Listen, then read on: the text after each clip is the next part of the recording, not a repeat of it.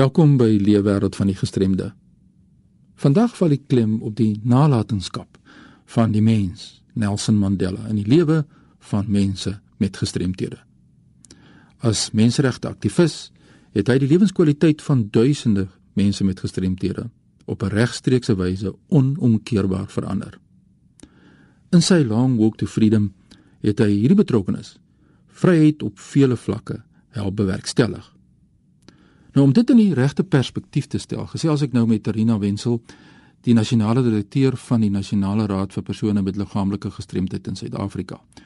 Net ter agtergrond, Rina was deel van hierdie oorgangsproses van die sogenaamde ou tot die nuwe bedeling en sy was deel van die raad se struktuur op daardie stadium.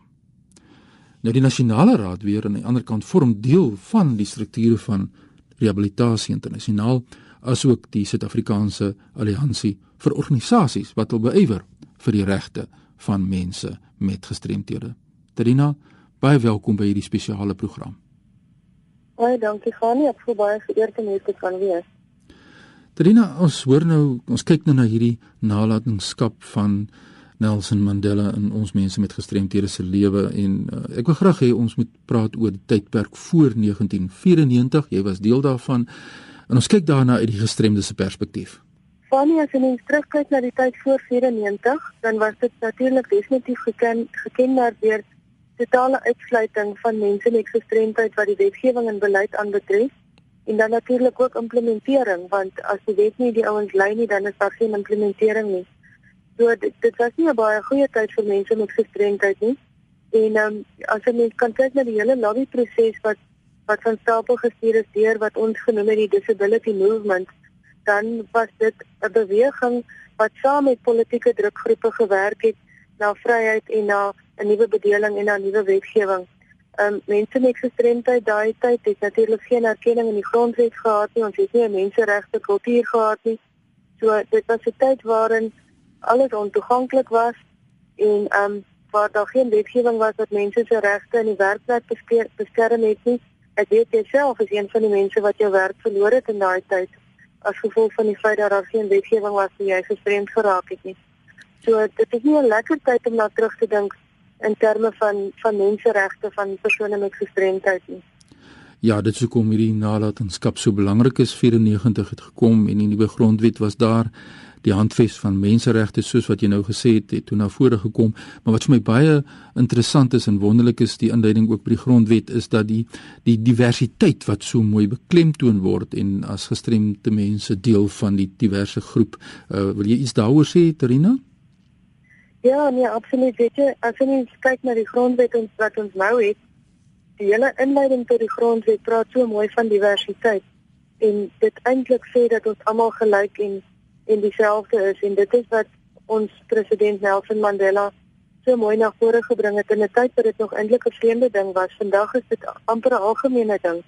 Maar in daai tyd was dit dit was iets wat hy gechampion het en um ek dink baie mense wat met die disability sektor te doen het, weet van die boekie wat geskryf is deur Dr. William Rowland en op die op die boekie is daar 'n foto van hom en die president, oud president Nelson Mandela waar hulle reg gesels het oor die regte van mense met gestremdheid en dit was voor 94 en dit het spesifiek gegaan ehm um, oor die hele kwessie van wat wil gestremde mense hê in hierdie land? Waaroor gaan gestremdheid? Wat is die sosiale model? Hoe kan ons wegbeweeg van die model wat sê mense met disabilities is sick in a burden on society en en so aan?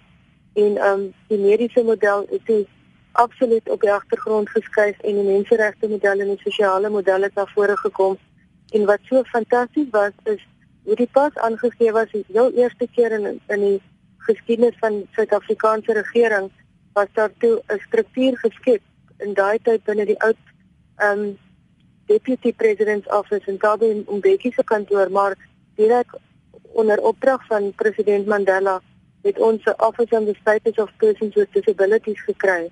En dit was fantasties want dit was daar 'n plek waar mense met disabilities kon gaan en sê dit is ons sake waarin daar aandag gegee moet word.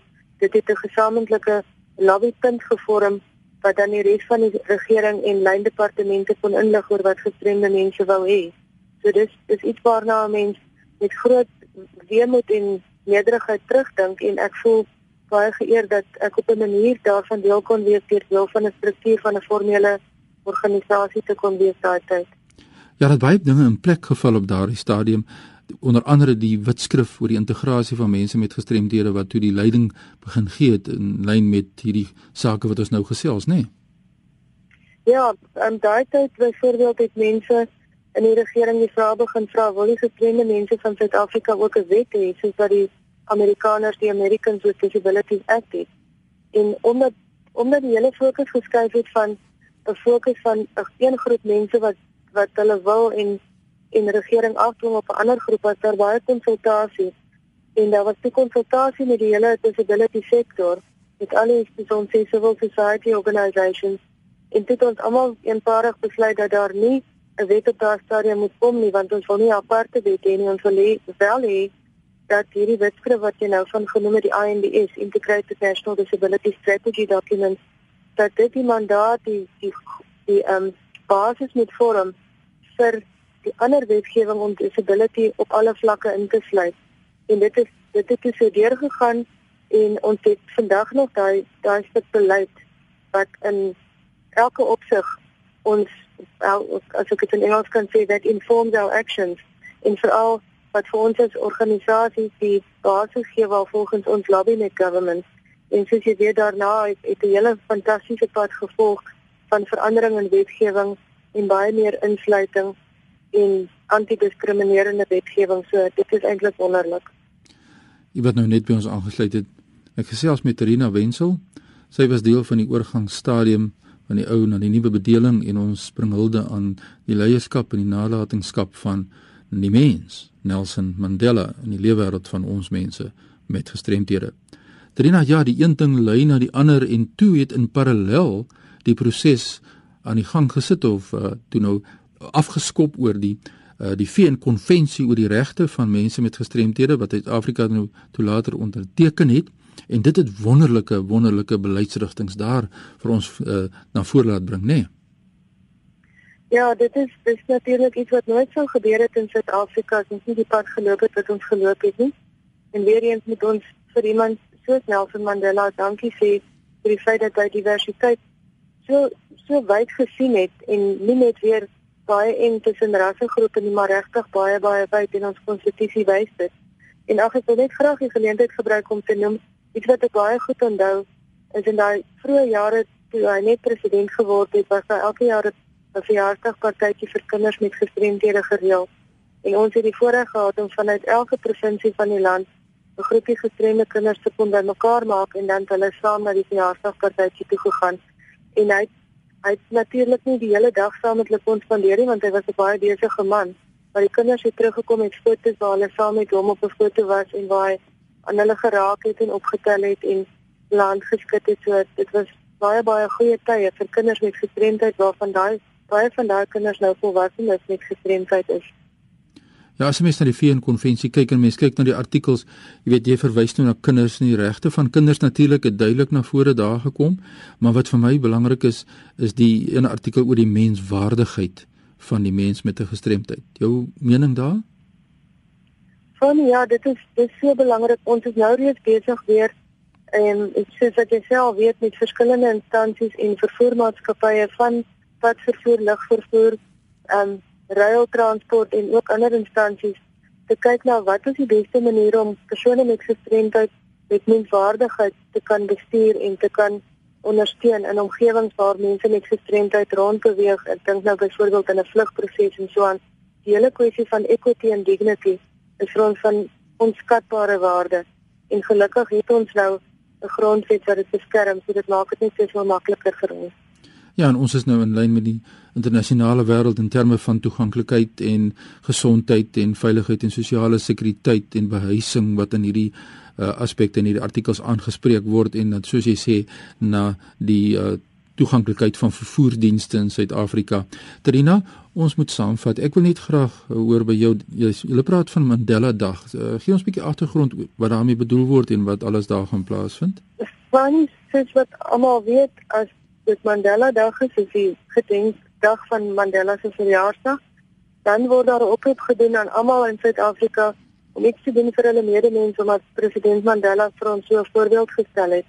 En hoewel ons nou hierdie wonderlike wetgewing het wat ons regtig regtig ehm um, kan sien as sy nalatenskap en die menseregte, is daar nog baie baie dinge wat moet verander in ons land. Daar's nog baie min implementering van dinge wat die lewens vir gestremde mense makliker maak. So ons basies doen 'n beroep op mense van die van enige deel van die samelewing, sakeondernemings, individue, wie ook al, om asseblief betrokke te raak by ons um, op Mandela Dag.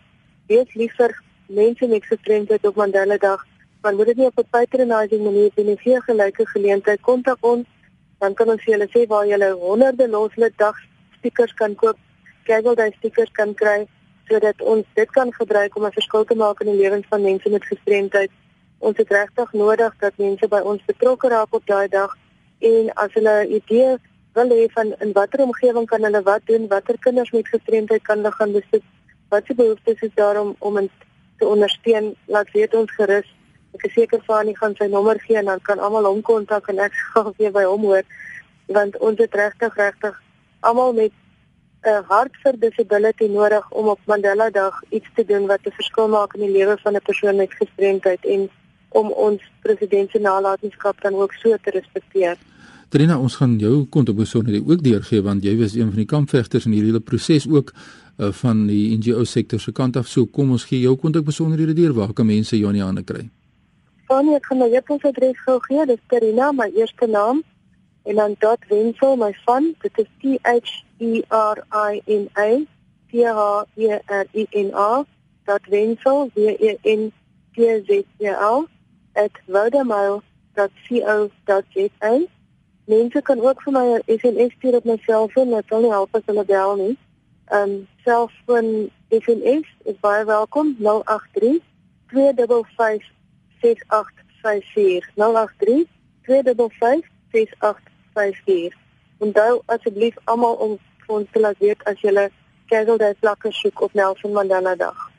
Nou ja, dit is die mening en die kontakbesonderhede van Terina Wenzel, die nasionale direkteur van die Nasionale Raad vir persone met liggaamlike gestremdheid in Suid-Afrika. Indien jy e-pos aan my wil stuur, my e-pos is fani.dt by mweb.co.za.